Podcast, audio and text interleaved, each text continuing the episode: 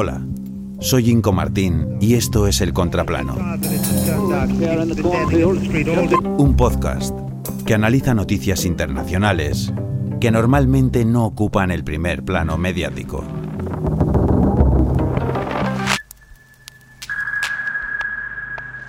Sport Washing, Arabia Saudí.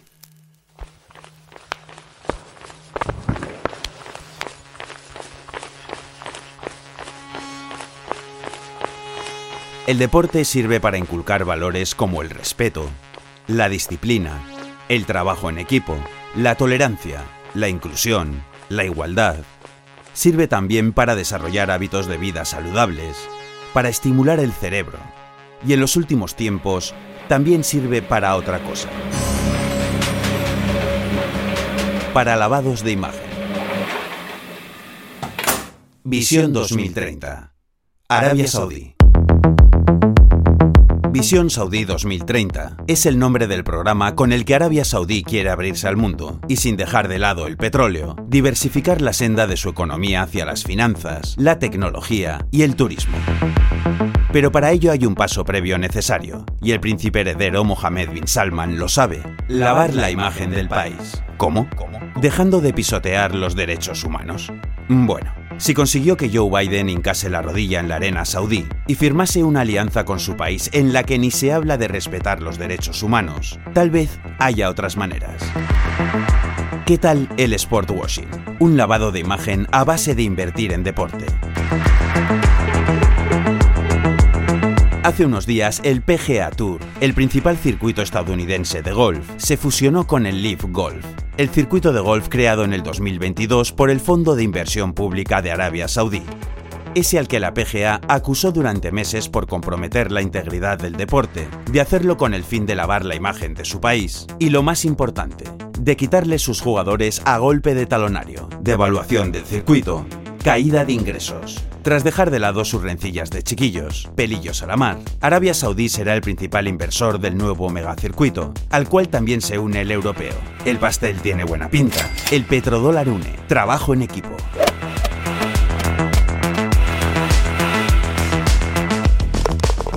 Y si el golf es mandar una bola de un punto a otro, a un hoyo, los que últimamente caen en el hoyo saudí son los futbolistas. El último, Karim Benzema. El anzuelo, 300 millones de euros por tres años de contrato. Siempre he querido vivir allí. Es un país querido y hermoso. Por 274.000 euros al día, ¿qué no será hermoso? Puede que incluso presenciar el brutal asesinato de un periodista. Petrodólar es petrodólar, como fútbol es fútbol. Pura magia.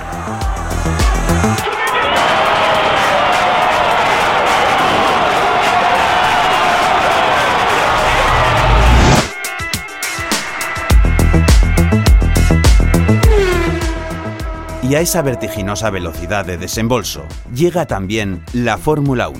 En todos sus circuitos, incluido como no el de Arabia Saudí, sobresale la publicidad de Aramco, la petrolera estatal saudí y la segunda empresa más valiosa del mundo tras Apple.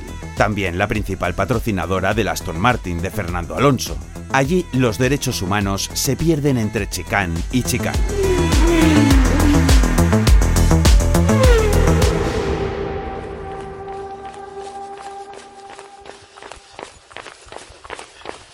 Con todo esto queda claro que lo importante no es ganar.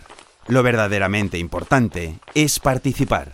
Con eso es suficiente para conseguir un eficaz lavado de imagen. Lo que quede bajo la piel no importa. Discriminación de la mujer, persecución LGTBI, torturas, arrestos arbitrarios, encarcelamiento de opositores, miles de víctimas en Yemen a base de bombardeos. Y así poco a poco, tal vez llegue el día en el que acabemos viendo a Arabia Saudí como un hermoso y querido país. Un país pro valores como la igualdad, la tolerancia, la inclusión. Y eso sin ni siquiera cobrar un euro.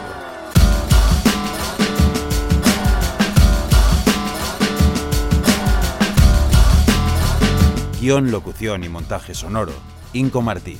Música, Acid Arab, Electric Jar Beck, Loser. In the time of chimpanzees, I was a monkey. Butane in my veins and a mouth that cut the chunky with the plastic eyeballs. Spray paint the vegetables, dog food skulls with the beefcake pantyhose. Kill the headlights and put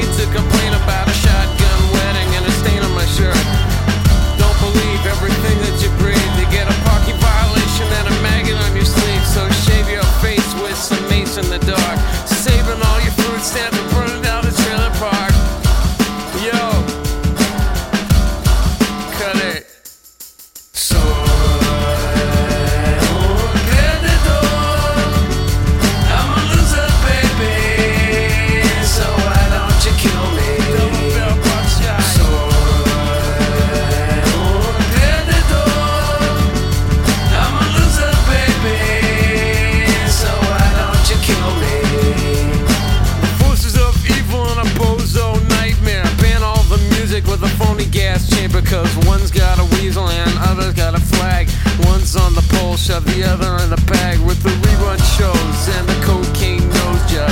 The daytime crap of the folk singer's club. He hung himself with a guitar string, a slab of turkey neck, and it's hanging from a pigeon wing. To get right if you can't relate, trade the cash for the beat, for the body, for the hate. And my time is a piece of wax falling on a termite who's choking on the splinters. So.